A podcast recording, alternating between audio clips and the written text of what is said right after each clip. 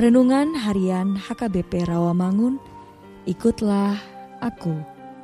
Selasa, 4 Mei 2021. Dengan judul Ucaplah syukur senantiasa.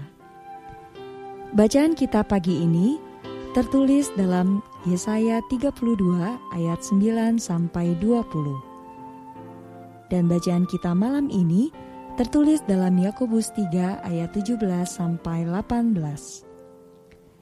Dan kebenaran firman yang menjadi ayat renungan kita hari ini ialah Efesus 5 ayat 20 yang berbunyi Ucaplah syukur senantiasa atas segala sesuatu dalam nama Tuhan kita Yesus Kristus kepada Allah dan Bapa kita. Demikianlah firman Tuhan. Bagaimana kita mampu mengucap syukur kepada Tuhan? Kita akan mampu mengucap syukur kepada Tuhan jika kita sangat mengenal Tuhan di dalam hidup kita. Melalui pengenalan yang sederhana akan perbuatan tangan Tuhan dalam hidup kita ini, maka kita mampu untuk mengucap syukur. Sama halnya dengan nasihat Paulus dalam nats renungan hari ini Ucapan syukur itu harus diucapkan dengan cara yang benar. Berterima kasih bukanlah sesuatu yang dilakukan dengan spontan. Mengungkapkan terima kasih adalah tindakan yang dilakukan dengan sengaja. Kita belajar untuk menjadi orang yang penuh syukur ketika kita berada di antara orang-orang lain di sekitar kita.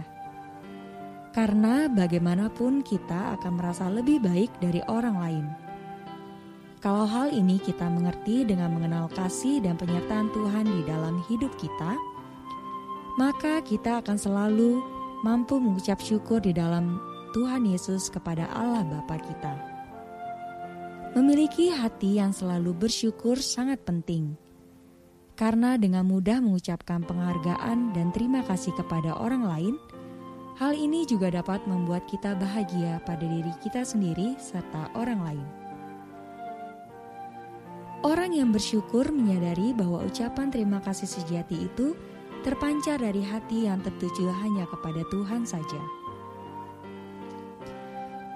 Ucapan syukur ini hanya ditunjukkan di dalam Tuhan Yesus Kristus kepada Allah Bapa kita.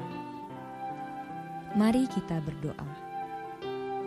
Ya Tuhan, ajari kami agar kami senantiasa mampu mengucap syukur kepadamu. Amin.